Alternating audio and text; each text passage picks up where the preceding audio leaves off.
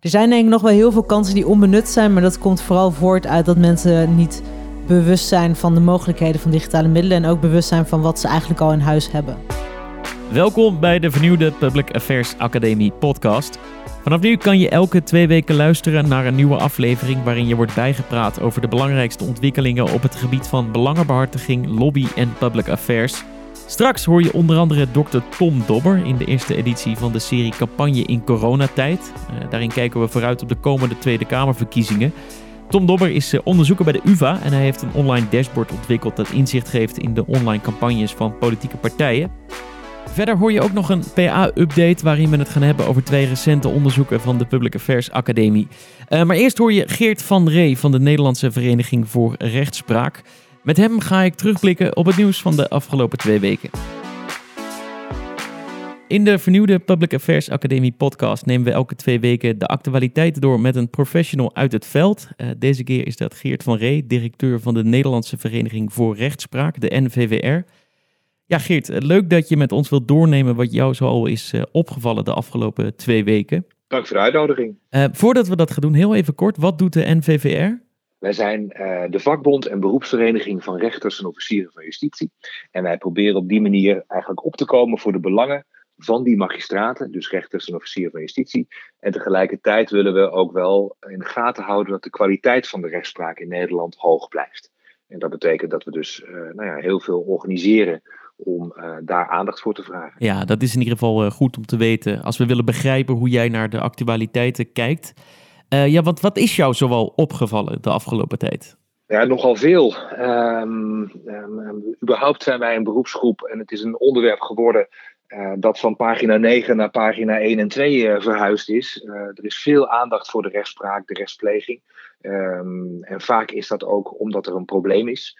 Um, nou ja, afgelopen dagen sloeg ik trouw open en daar zag ik een gecombineerde oproep van de rechtspraak, het Openbaar Ministerie en de politie, waarin ze aangeven dat op momenten als wij de rechtsstaat in Nederland serieus nemen, dat daar echt structureel geld bij moet. En dan hebben we het niet over uh, een paar tientjes, maar over, uh, ik meen, 850 miljoen. Op, en wat ze daarin zeggen, is dat gaat dan niet op aan projecten of aan uh, extra's, maar dat is om de basis op orde te krijgen. En wij als uh, beroepsvereniging en vakbond uh, roepen dat eigenlijk al jaren. Dit is daarmee de bestuurlijke echo daarvan. En wij zeggen ja, onze mensen, de rechters en de officieren, die werken, uh, zoals Rutte het altijd zegt, het snot voor de ogen. Um, en om hun kwaliteit op peil te houden, hebben we gewoon heel veel meer mensen, meer ondersteuning, betere middelen nodig.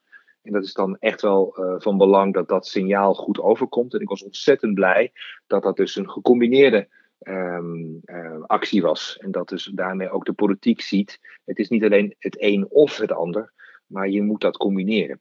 Dus wat dat betreft was dat een. Uh, nou, dat vond ik heel fijn dat ik dat kon lezen in de krant. Ik wist dat, dat het ongeveer deze periode aan zat te komen. Maar het is goed om te zien dat dat dan ook, dat dat dan ook gebeurt.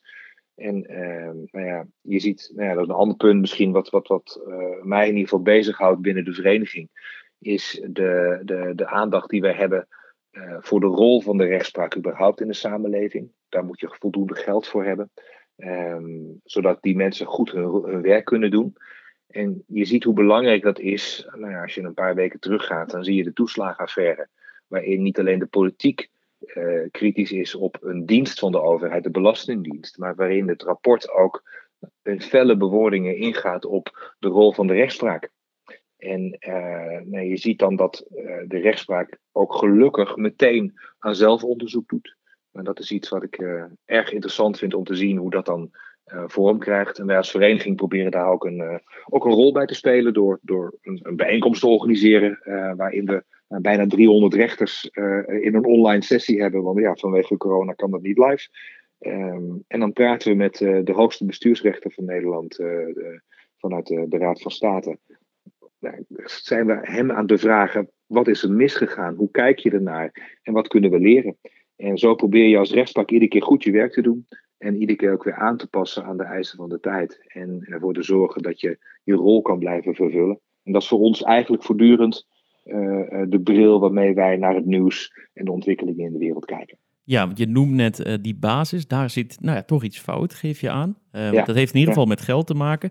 Maar als je nou een beetje afgaat op de stemming onder jullie achterban, mm -hmm. waar zit hem dan de, de fout? Waar, gaat, waar loopt het fout? Nou ja, um, wij, wij, uh, dat zijn twee verschillende systemen. Bij de rechtspraak is dat misschien het makkelijkst uit te leggen. Um, we krijgen eigenlijk bijna in een soort vaste rekenformule een bepaald bedrag voor een bepaalde zaak. En van dat bedrag moeten wij alles doen. Daar moeten wij de, de, de mensen voor inhuren, de, de, de, de gebouwen, eh, de techniek, alles moet daarvan gebeuren. En wat we zien de laatste jaren is dat er iedere zaak is ingewikkelder geworden. Uh, daar, dat wat je vroeger in een uurtje afdeed, heb je soms dagen nodig om een zitting uh, te hebben. nou ja, een voorbeeld daarvan is ook de, de, de toename van forensisch onderzoek. Je moet steeds meer onderzocht worden. Het wordt ingewikkelder om een strafzaak te kunnen doen. Um, de agenda's zijn moeilijker te trekken, want ook niet alleen maar de verdachte heeft een advocaat, maar ook de slachtoffers hebben tegenwoordig een plek in de rechtszaal en hebben ook een advocaat. Dus het is allemaal ingewikkelder geworden om dat uh, te plannen en te coördineren. En dan komen we niet uit met geld. Nou, dat hebben we, en dat is een beetje onze, onze vloek. Uh, um, uh, dat hebben we opgevangen door zelf harder te gaan lopen. En nog eens harder te gaan lopen en nog meer te dragen. En het misschien nog even iets slimmer te organiseren. Maar op een gegeven moment is de rek uit het elastiek.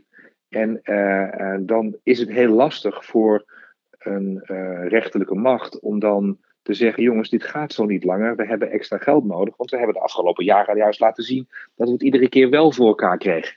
En gelukkig kunnen wij nu, en dat, daarom was ik zo blij met dat gezamenlijke initiatief um, kunnen wij laten zien, ja, het gaat echt niet meer. Er moet echt geld bij, zodat wij juist meer mensen kunnen aannemen. Meer rechters, meer officieren, meer mensen die in de ondersteuning uh, het werk uit handen kunnen nemen, zodat rechters goed ingezet kunnen worden. Dat is voor ons een ontzettend belangrijk uh, punt. Uh, en dat zit dus deels in de financiering, deels in de, de zaken die ingewikkelder worden. Maar ook de eisen van de samenleving zijn natuurlijk ook zwaarder geworden. En uh, daar willen wij ook heel graag aan blijven voldoen. Een van de andere dingen die de afgelopen tijd in het nieuws waren, was uh, het gratieverzoek dat is ingewilligd voor uh, Sefdet Ei. Ja, um, ja. Hij heeft in 1983 in een Delfts café zes mensen doodgeschoten. maar hij heeft inmiddels gratie gekregen van de minister. Um, en daar is wel nog het een en ander aan vooraf gegaan, geloof ik. Hè? Ja, ja. nou ja, een heleboel. Um, ja, dan moet ik. Dan moet ik uh, en dat is een beetje ook. Uh, ik zei net al de vloek, maar dat hebben we hier ook. Het, het gaat heel vaak over abstracties. En um, het gaat over de rechtsstaat en de balans tussen de machten. En je bent dus heel erg bezig om het hoogste abstractieniveau concreet te maken. En heel vaak blijft het abstract, maar in zo'n geval als nu, zo'n gratieverzoek, wordt het ineens heel concreet. Waarin je ziet, er zijn afspraken gemaakt op politiek niveau um, hoe wij omgaan met mensenrechten. En een van de Europese afspraken is dat een levenslange gevangenisstraf niet uitzichtloos mag zijn. Uh, dat is een Europese afspraak. Daar heeft het Europese Hof ook, uh, dat is dan de Europese rechter, uh, heeft daar ook allerlei uitspraken over gedaan dat dat de norm is. En Nederland is een van de weinige landen waarin nog levenslang, echt levenslang is. En um, tegelijkertijd voldoe je daarmee dus niet aan de Europese normen rondom zo'n gevangenisstraf. En dan ga je eigenlijk tegen mensenrechten in. En wij blijven als, als, als vereniging bewust, eigenlijk in alle zaken ook weg van zo'n individuele zaak. Dus wij zeggen daarmee niets over hoe erg het was, hoe verschrikkelijk het was dat dat destijds gebeurde. Maar wij zeggen wel, op het moment als je zo'n afspraak maakt als Nederland, dan moet je je daar ook aan gaan houden. En wat we nu zien, bijvoorbeeld bij het gratieverzoek wat nu uh, opnieuw is ingediend en nu door de minister is ingewilligd, um, is dat de minister dan zegt: dat doe ik met uh, forse tegenzin. En dat is ingewikkeld, want daarmee zeg je eigenlijk: um, we leven in een rechtsstaat, um, maar tegelijkertijd heb ik tegenzin om de regels van die rechtsstaat te respecteren. Nou, en en dan, dan gaat die voor ons wel heel erg knellen, want dan wordt het heel moeilijk uh, wat de minister nou bedoelt. Wil hij nou ons een signaal geven dat dit niet de afspraak is? Maar ja, wij hebben die afspraak niet gemaakt. Dat is een politieke taak. Um, of wil hij nou vooral tegen burgers zeggen: ja, het moet van een ander? Dan denk ik, nou ja, ik heb ook een minister nodig die opkomt voor mijn rechtsstaat, waar onze leden hard voor werken en die dus uitdraagt, ja, dit zijn nou eenmaal de afspraken die we met elkaar gemaakt hebben. En daar sta ik voor. En dat laatste, dat zie ik dan hem niet doen. En dat vind ik toch erg jammer. Dus zouden we kunnen zeggen dat je in die, nou, die twee voorbeelden die je net noemt, hè, waar bij de, aan de ene kant gaat het echt om een, om een kwestie van, nou ja, geef de rechtsstaat de ruimte om zijn werk te doen. Ja. Um, en, en de andere kwestie heeft weer meer te maken met ja, de, de plek van de, uh, van die rechter in de scheiding der machten. Hè? Ja, nou ja, en dat is, dat is eigenlijk wel één onderwerp. Hè. Um, als je niet. Kijk, want onze rechtspraak in Nederland hè, wil ik niet vergelijken met uh, nou ja, eh, Poolse toestanden of uh, andere landen in Europa waar de rechtsstaat onder druk staat. onze regering is echt heel bewust van het belang van onafhankelijke rechtspraak. Daar zal je mij ook niet over horen zeggen dat ze daarin de verkeerde kant op schieten. Um, maar ik wil wel me bewust zijn van dat je dus niet alleen maar met, met, met regels de invloed op de rechtspraak kan hebben, maar ook met de portemonnee op het moment als je dus uh, niet rechters en officieren in staat stelt om hun werk te doen, dan knel je wel af. Um, en, en dat, is wel een, dat is wel een risico. En dat is niet overigens alleen uh, voor rechters en officieren. Ik wil hier ook wel graag zeggen dat sociaal advocaten hier ook echt uh, een probleem mee hebben. Dat is ook nog een onderwerp onder minister Dekker. Um, waarin de sociale advocatuur steeds moeilijker heeft om het werk te doen. En dat betekent eigenlijk dat mensen die die advocaten hard nodig hebben, Ehm, niet de, de ondersteuning op juridisch gebied kunnen krijgen die ze nodig hebben, omdat de een en de ander sociaal advocaat aangeeft: ik kan mijn praktijk niet meer in de lucht houden, uh, uh, want ik, ik, ja, ik krijg er niet genoeg geld voor. Tot slot dan, om even mee af te sluiten. Jij wilde het ook nog even hebben over de uitreiking van de Geuzenpenning vorige week. Ja, ja, ja, ja. Je, je, raakte net al even aan de, aan de Poolse rechtsstaat en wat daar mis mee is. ja, wat, wat moeten we ons voorstellen bij die, bij die geuzenpenning? Nee, de geuzenpenning is een, is een uh, eerbetoon aan iemand die opkomt voor mensenrechten. Um, dat is heel kort gezegd. Het is nog veel ingewikkelder misschien en veel uitgebreider dan dat, maar heel kort gezegd gaat het, komt het daarop neer. Um, en die geuzenpenning is dit jaar uitgereikt aan mevrouw Gersdorf. Mevrouw, mevrouw Gersdorf is de opperrechter, uh, was de opperrechter moet ik inmiddels zeggen, uit Polen. En zij is het gezicht geworden van uh, de onafhankelijke rechtsstaat, uh, rechtspraak in Polen. Um, waar de regering steeds meer inbreekt in die rechterlijke onafhankelijkheid.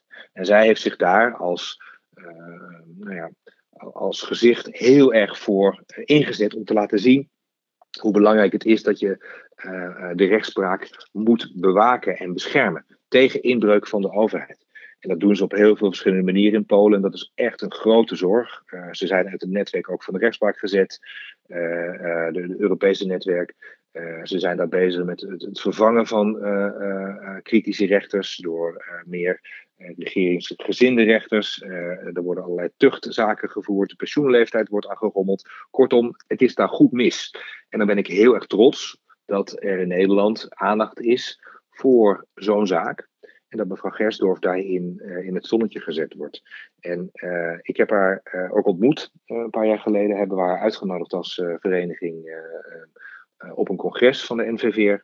En dat, daar hebben we ook haar laten spreken over hoe, hoe gaat dat dan? Zo'n um, nou ja, geleidelijke rechtsstaatsgreep, wat je dan eigenlijk hebt. Een onderdeel van je staatsmacht wordt afgebrokkeld. En en die les heb ik wel heel goed geleerd van haar, waarin, zij zegt: volgens de regels kan zo'n rechtsstaat afgebroken worden.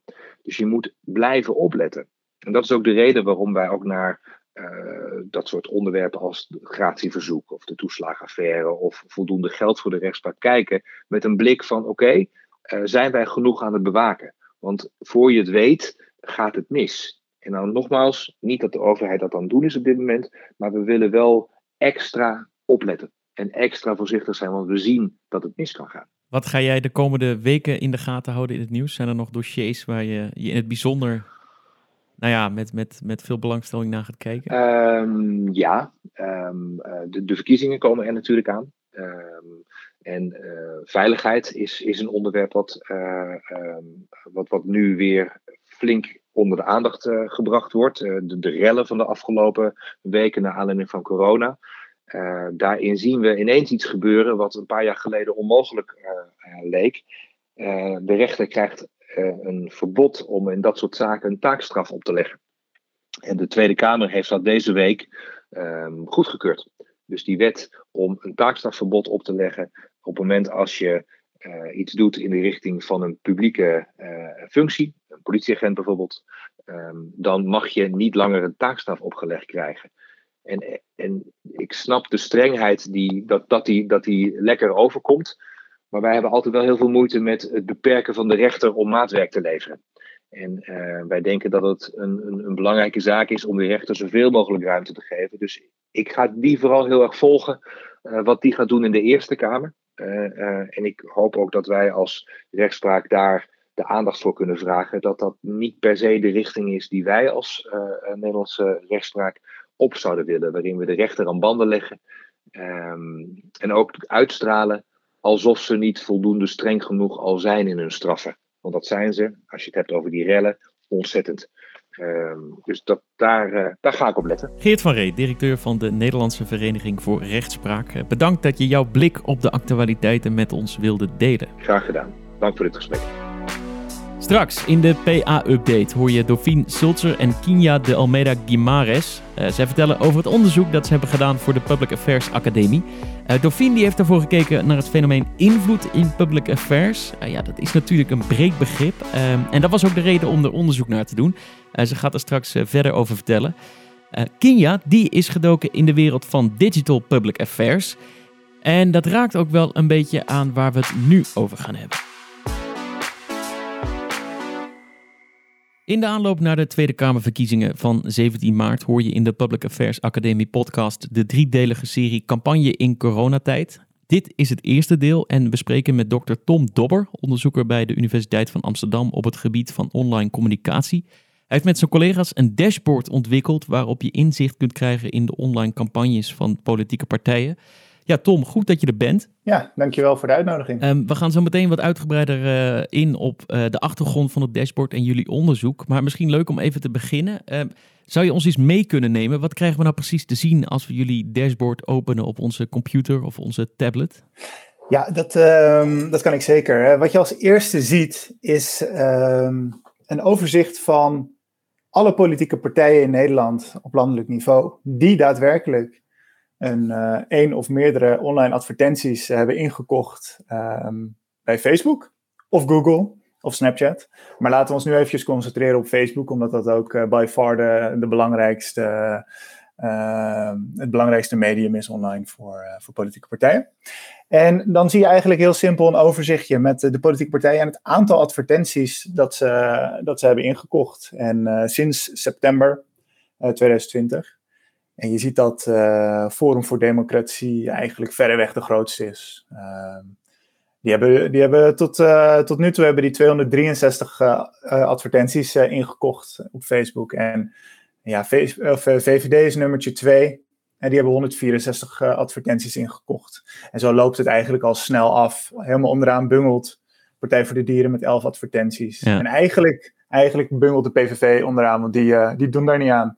Oké, die zitten helemaal niet in het, uh, in het systeem dus. Nee, nee, tot nu toe nog niet. En, uh, maar volgens mij is dat wel een beetje uh, hoe de PVV de campagne voert. Die heeft dat advertenties online hebben ze niet nodig. Ja, dat is, dat is in ieder geval al interessant. En als we het dan bijvoorbeeld hebben over, nou ja, je noemde net een aantal, of een aantal advertenties. Maar wat kost dat dan? Heb je daar ook, want dat geeft jullie dashboard ook aan, hè? Ja, zeker. Het zijn wel, we zijn volledig afhankelijk van de informatie die Facebook beschikbaar stelt. Um, dus het zijn best wel brede categorieën. Dus wij, uh, wij, wij hanteren een minimumbedrag, een midpunt en een maximumbedrag wat ze hebben uitgegeven. En hm. dus die, uh, laten we zeggen, laten we even bij FVD, die staan toch bovenaan. Hè? Uh, eh, 263 advertenties hebben ze ingekocht. En daar hebben ze minstens ruim 51.000 euro aan uitgegeven. En maximaal ruim 84.000 euro. Dus dat is toch ook wel een fors bedrag. Ja, ja zeker. En um, die gegevens halen jullie dus van de platform zelf, als het ware?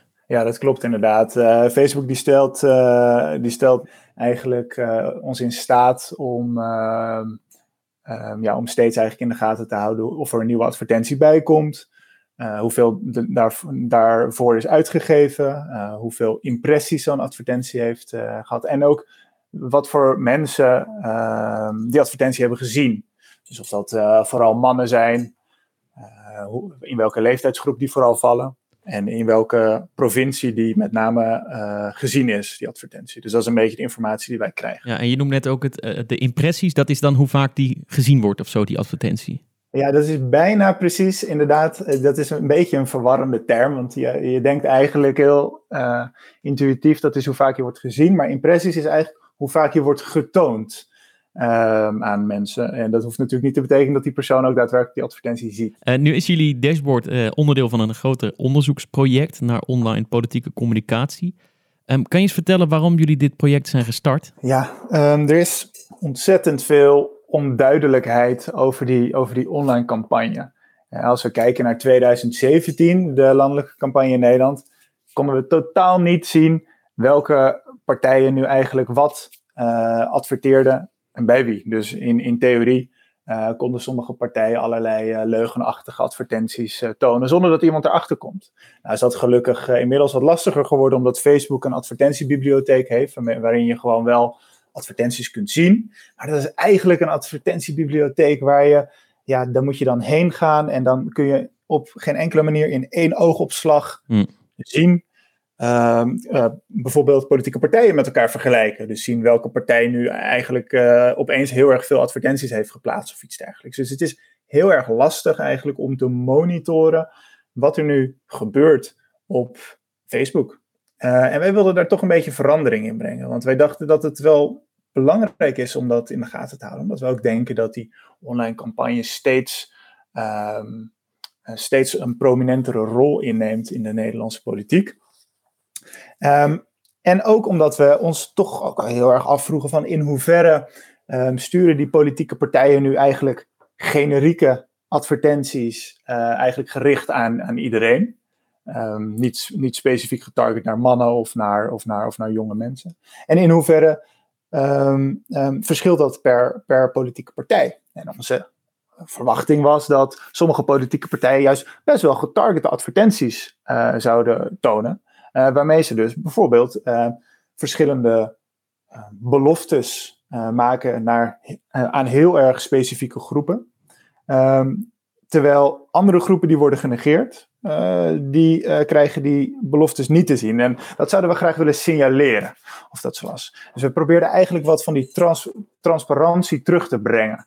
En um, ja, op een manier waarop je dus die politieke partijen ook een beetje met elkaar zou kunnen vergelijken. Ja, jullie hebben voor het project ook subsidie gekregen van het ministerie van Binnenlandse Zaken, als ik het goed heb. Ja, dat klopt inderdaad. Ja, ja misschien interessant. Wat is vanuit de overheid uh, de prikkel om dit duidelijk te willen hebben? Nou ja, goed.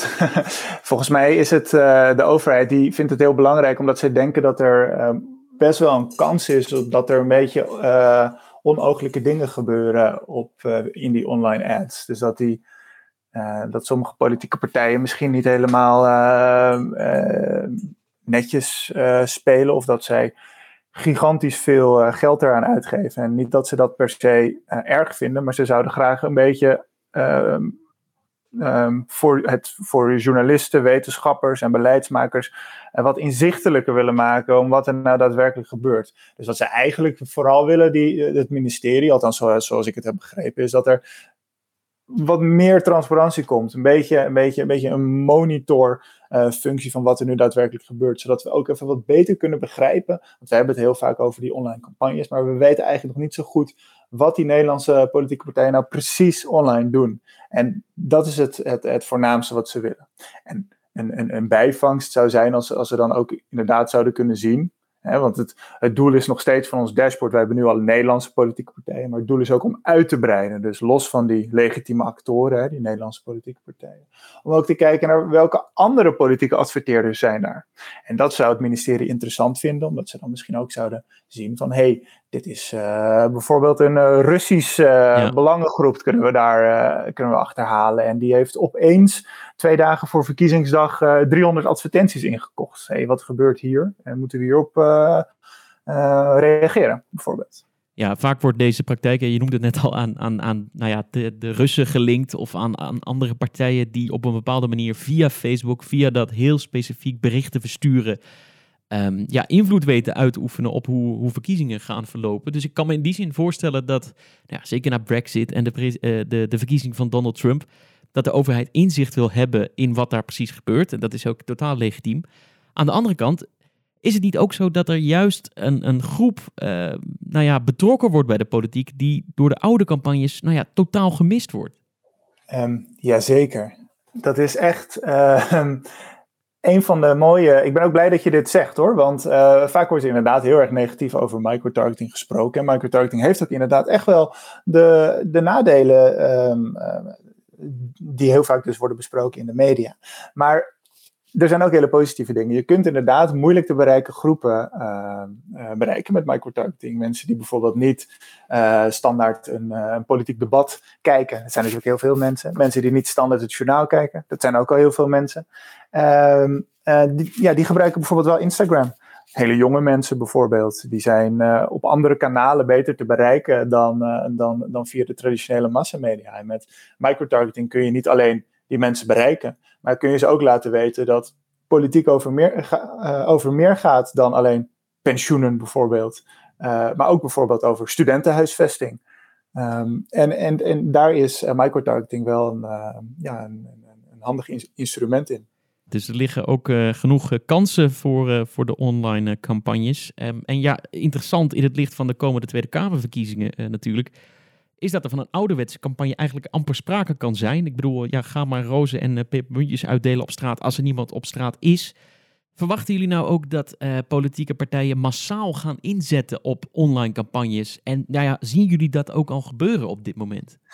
Ja, dat is een leuke vraag. Ja, ik, uh, we zien het nog niet gebeuren, maar we verwachten het van wel. Kijk, de SP bijvoorbeeld. De SP-campagne is nou echt een campagne. Die hebben gigantisch veel vrijwilligers. Die willen zich altijd uh, echt helemaal in de, uh, uit de naad werken voor, voor hun partij. Door langs de deuren te gaan. Door hun enthousiasme over te brengen op de, op de kiezer. Maar dat kunnen ze nu niet.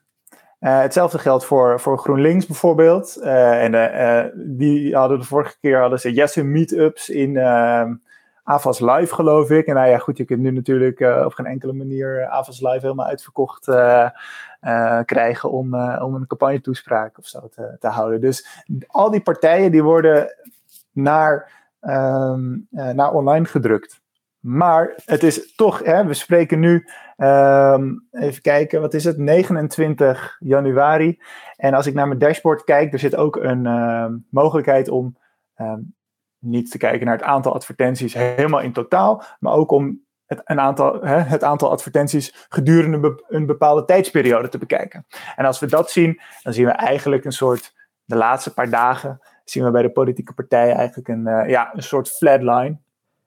Wat mij uh, doet uh, vermoeden dat de campagne nog niet is begonnen.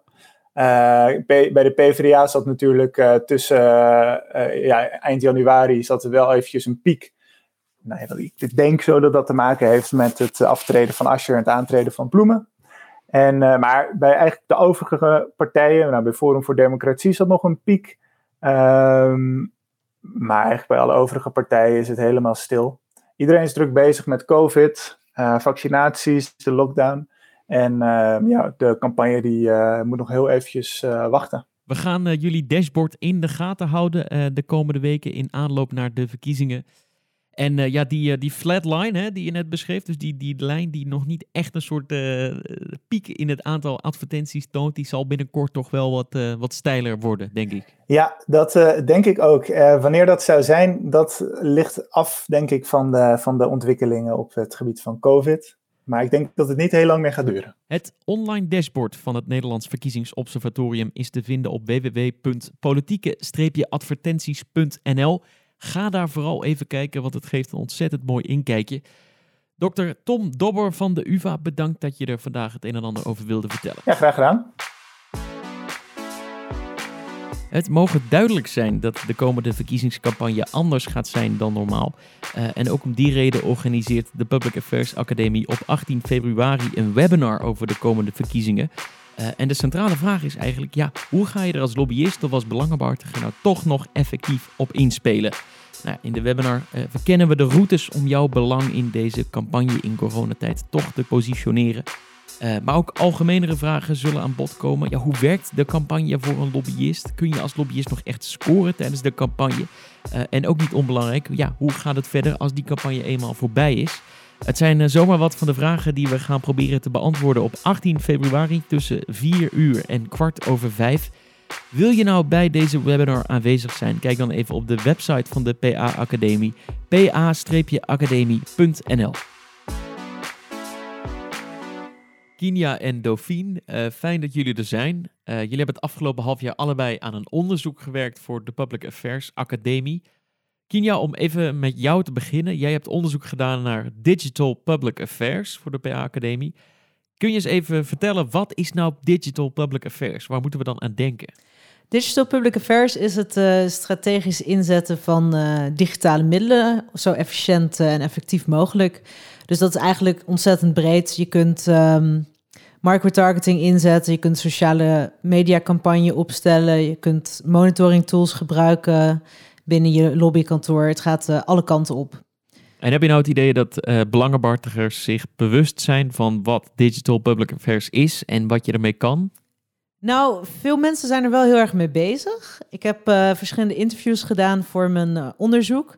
En daarin ja, vroeg ik elke keer aan mensen: um, nou, wat is jullie digital public affairs strategie? En iedereen had er eigenlijk geen antwoord op. Maar hoe meer ik doorvroeg over wat ze gebruikten en hoe ze bepaalde middelen inzetten, uh, hoe meer antwoorden ik eigenlijk kreeg. En dat mensen op het eind van het interview ook zeiden: Oh ja, eigenlijk gebruik ik wel best wel veel. Dus uh, er zijn denk ik nog wel heel veel kansen die onbenut zijn. Maar dat komt vooral voort uit dat mensen niet bewust zijn van de mogelijkheden van digitale middelen. En ook bewust zijn van wat ze eigenlijk al in huis hebben. Jullie uh, publicatie is echt vrij hands-on. Jullie, jullie bieden echt tools om nou ja, aan de slag te gaan met uh, digitale public affairs, digital public affairs. Um, maar jullie gaan ook wel in op de dilemma's die samenhangen met digital public affairs. En dan gaat het over ethische dilemma's, maar ook over strategische dilemma's.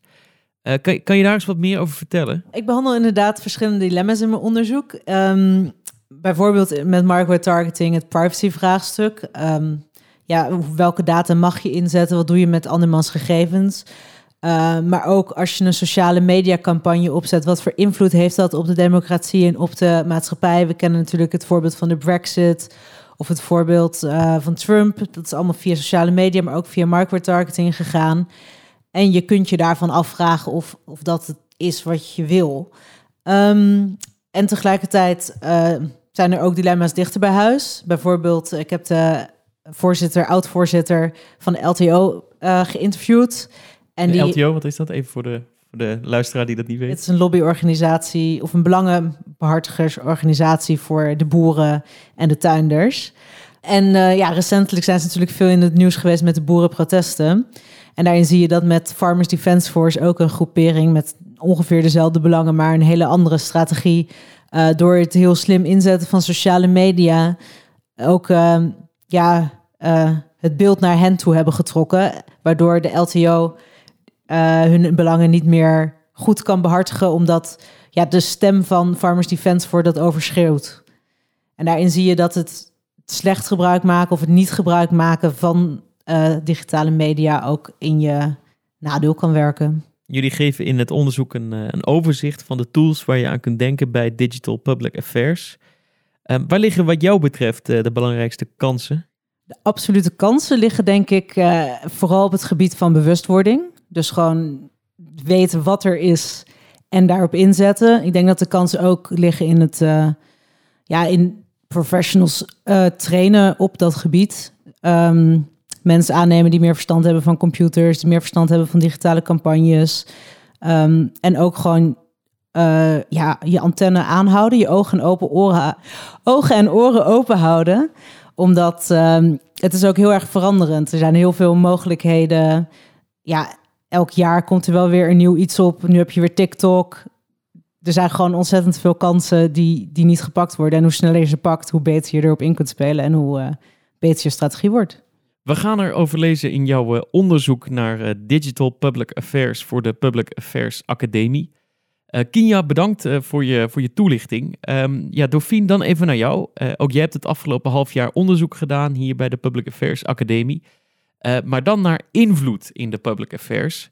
Ja, waarom was het nou belangrijk om daar meer over te weten, om daar onderzoek naar te doen?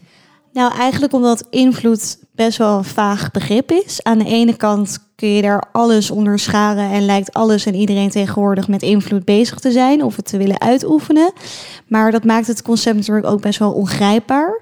Dus we hebben duidelijkheid willen scheppen door naar invloed te kijken door de bril van de wetenschapper, maar ook door de bril van, er, van de belangenbehartiger, die er natuurlijk met zijn werk dagelijks mee bezig is. Maar we hebben ook bijvoorbeeld uh, politici gesproken die uh, directe invloed eigenlijk een soort van op uh, ja, beleid uitoefenen. En was wel leuk, een lobbyist die zei bijvoorbeeld over dat verschil van invloed van een lobbyist en een politicus. Uh, die zei, als lobbyist probeer je invloed uit te oefenen op de macht. En een Kamerlid heeft macht of invloed omdat hij direct kan stemmen over een besluit. Dus dat was ook wel leuk om die verschillende inzichten van zowel lobbyisten als politici als andere PA-professionals allemaal uh, ja, te hebben. En als mensen nou jouw uh, onderzoek bestellen via de website van de PA Academie, uh, wat krijgen ze dan? Wat, uh, wat is de, nou ja, laten we zeggen, wat is de opzet van jouw onderzoek? Nou, eigenlijk hebben we dus voor dat wetenschappelijke deel naar allemaal wetenschappelijke disciplines gekeken. Van politicologie, psychologie, communicatiewetenschap, bestuurskunde, economie en marketing, sociologie en management. En toen heb ik dus in de ander hoofdstuk verschillende lobbyisten, politici en andere professionals gesproken. Om eigenlijk te onderzoeken wat zij nou precies onder invloed verstaan. En dat ook met elkaar dan met de praktijk te kunnen vergelijken. Um, en ook te vragen wat voor hen dan die ingrediënten van invloed zijn. En dit hebben we dus in het einde van het onderzoek hebben we dit gecombineerd in een stappenplan. En dan kan je dat als belangenbehartiger gebruiken als een soort startplan, als een soort startpunt uh, om te werken aan je invloed. Ja, je zegt het net al, hè? jullie hebben heel mooi uh, de, de praktijk en de wetenschap samen willen brengen. Dat komt uiteindelijk dan samen in dat, in dat stappenplan. Daar gaan we het zo meteen nog uh, iets meer over hebben. Even over die twee nou ja, perspectieven van de wetenschap en van de praktijk. Wat valt nou op als je die met elkaar vergelijkt? Ja, ik denk het grootste, de grootste overeenkomst is toch wel dat het belang van het overdragen van kennis echt wordt benadrukt. Zowel in de wetenschap als in de praktijk. Dus echt het belang van die informatieoverdracht. Ik dat dat wel echt het meeste in beide naar voren kwam. Uh, maar ook ja, heel veel andere dingen, zoals weten bij wie, waar en op welk moment je moet zijn. Dus een beetje meer de timing. En dan waren er ook nog wel interessante factoren die meer als ja, met jou als persoon te maken hebben. Waardoor je dus bijvoorbeeld ja, meer sympathiek overkomt en een meer gunfactor hebt. En dat is wel interessant hoe dat bijvoorbeeld in een meer psychologisch uh, discipline naar voren komt. Maar ook hoe dan in de praktijk mensen zich er eigenlijk ook heel erg goed van bewust zijn. Um, ja, dus dat was wel uh, interessant. Jouw onderzoek eindigt met een stappenplan. Um, kun je daar tot slot nog iets meer over vertellen? Het stappenplan geeft je eigenlijk een idee hoe je invloed kunt herkennen en ook uh, kunt benutten. Invloed van je organisatie. En geeft je scherper zicht op waar die invloed precies zit. En wat hier de belangrijkste randvoorwaarden voor zijn. En welke drempels je kunt verwachten. En ook hoe je dan eventueel met die drempels om kunt gaan. De onderzoeken van Dauphine Sulzer en Kinja Dalmeda Guimares zijn te downloaden via de website van de PA Academie. Kijk daarvoor op onze kennisbank www.pa-academie.nl kennisbank. En daarmee zijn we ook aan het einde gekomen van deze podcast van de Public Affairs Academie. Over twee weken dan zijn we er weer. Um, in de tussentijd is het belangrijk dat je je abonneert op deze podcast. En laat ook vooral een beoordeling en een reactie achter in je favoriete podcast app.